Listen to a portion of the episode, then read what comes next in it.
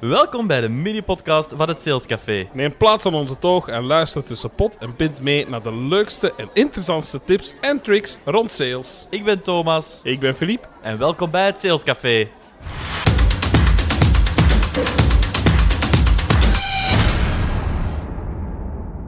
Amai, Filip, ik heb echt lekker gegeten, man. Merci voor te koken. Dat is graag gedaan, dat is wel misschien een beetje veel. Het was een beetje veel, maar ik heb daar eigenlijk wel echt iets heel, heel goed voor om te verteren. Hè. Je weet, Ah. ik ben geboren en getogen in Antwerpen. En elke woensdag na school ging ik naar mijn grootouders die in Antwerpen stad woonden.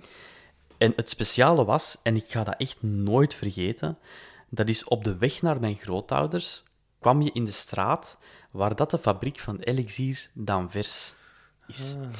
En daar hangt een bepaalde geur, hè, want Elixir d'Anvers is gemaakt met, als ik me niet vergis, met meer dan 40 verschillende soorten kruiden. En dat is echt een hele aangename geur.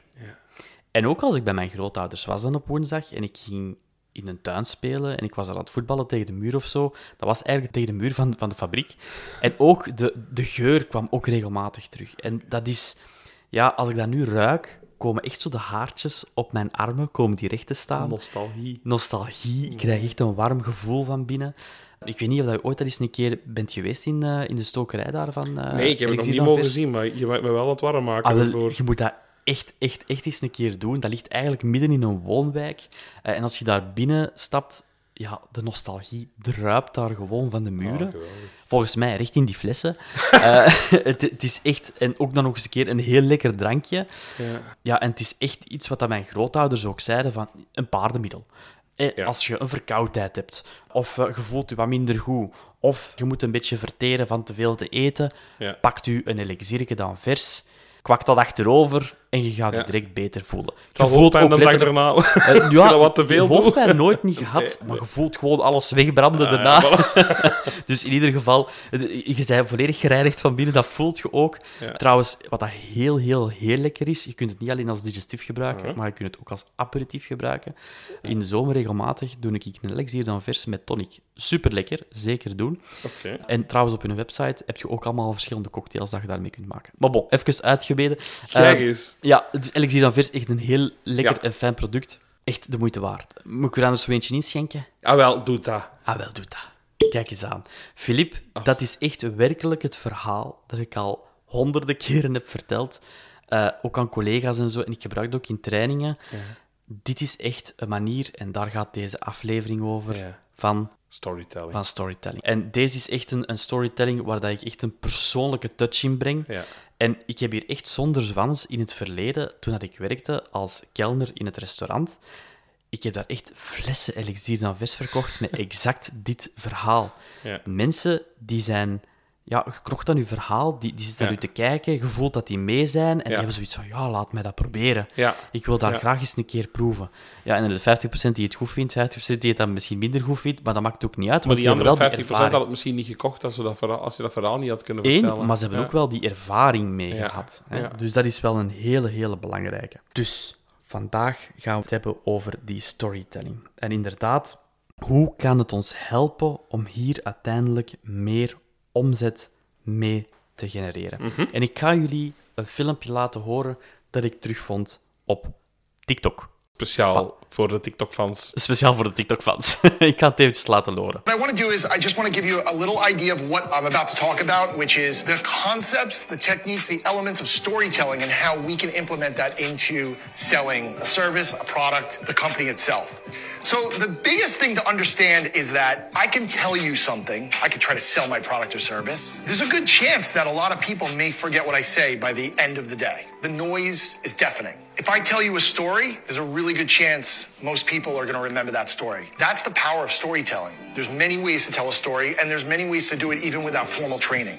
We do it all the time without even knowing it. We're going to break into some of the elements so you're aware of it, and maybe you can put that into your sales and marketing efforts. Oké. Ja, Voilà, ja, dit is eigenlijk al een korte samenvatting van wat dat storytelling is.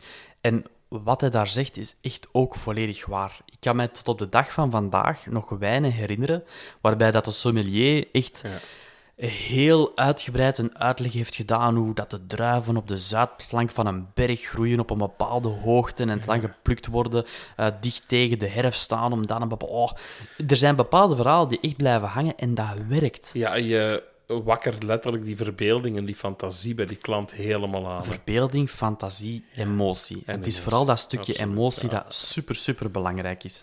Wat is nu de definitie van storytelling? Want dat vertelt het eigenlijk allemaal tezamen.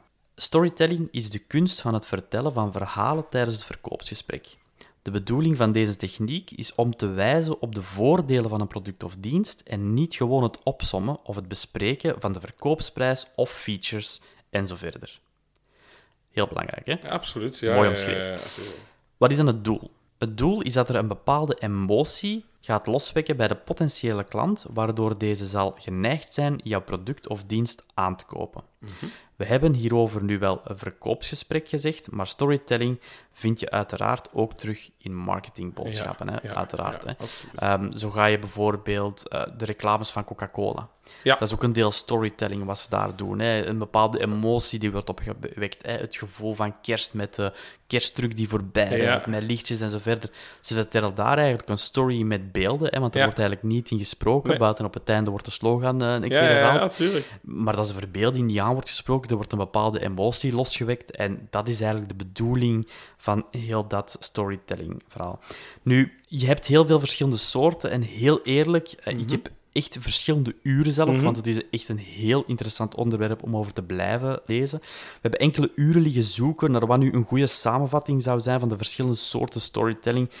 Maar we geraakten er eigenlijk zelf niet meer wijs aan uit. Ja, ja. Uh, echt iedereen uh, specificeerde zich als expert in uh, storytelling.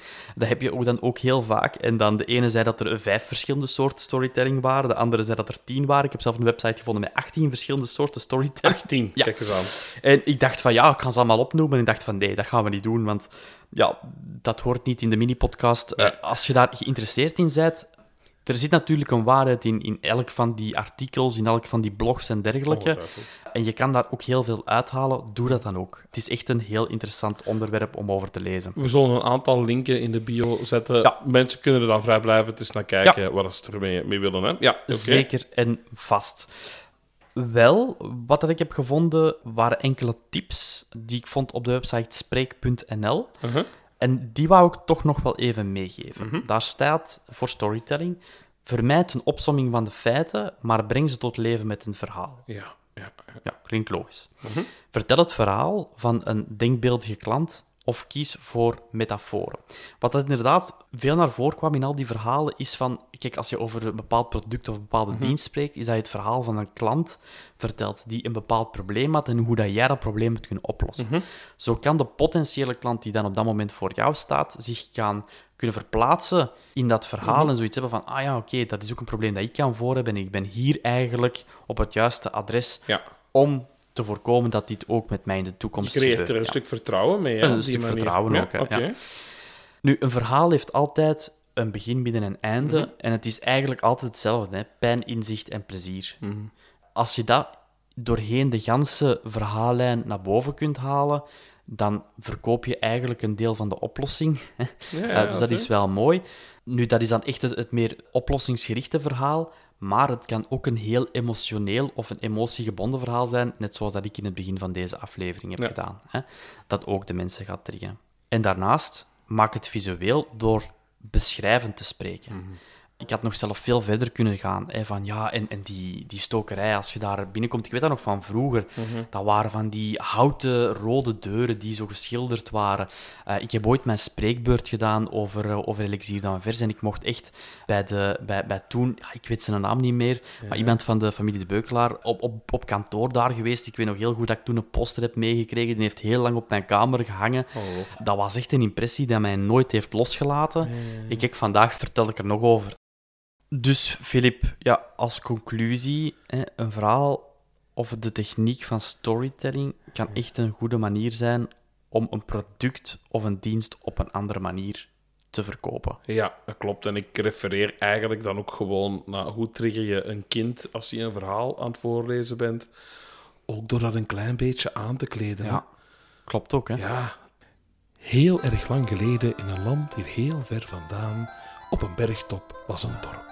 Het was nog vroeg in de ochtend en de eerste vogeltjes begonnen te fluiten. En op dat moment vliegt er in één keer een grote ooievaar over het dorp. En zo verder enzovoort. Veel beter dan dat ik zou zeggen, ja, eh, het was nog vroeg in de ochtend en er werd de kleine geboren. Ja, ja klopt. Komt Eh, niet dat- over. Dat, is ook een, allee, de verschillende tips dat we hebben meegegeven. Hè. Gebruik je lichaamstaal om het verhaal te ondersteunen. Ja, maak, maak alles er rond zo mooi Voilà. dat iedereen het verhaal voelt. Ja, absoluut. Helemaal waar. Deze keer hebben we ook een quote bij van iemand die super interessant is, Seth Godin. Als je hem niet kent, eh, zoek hem dan zeker maar eens een keer op. Er Zeker de moeite. Ongelooflijk. heel veel over te ja, vinden. Ja, ja. En de quote is: People do not buy goods and services, they buy relationships, stories and magic. Wauw. Ongelooflijk. Heel goed. En Paul erop wederom. Hè. Dit was denk ik een hele leuke aanzet voor de mensen om te weten hoe gaan ze nu met storytelling om. Maar er valt zoveel over te lezen en op te zoeken. Ja.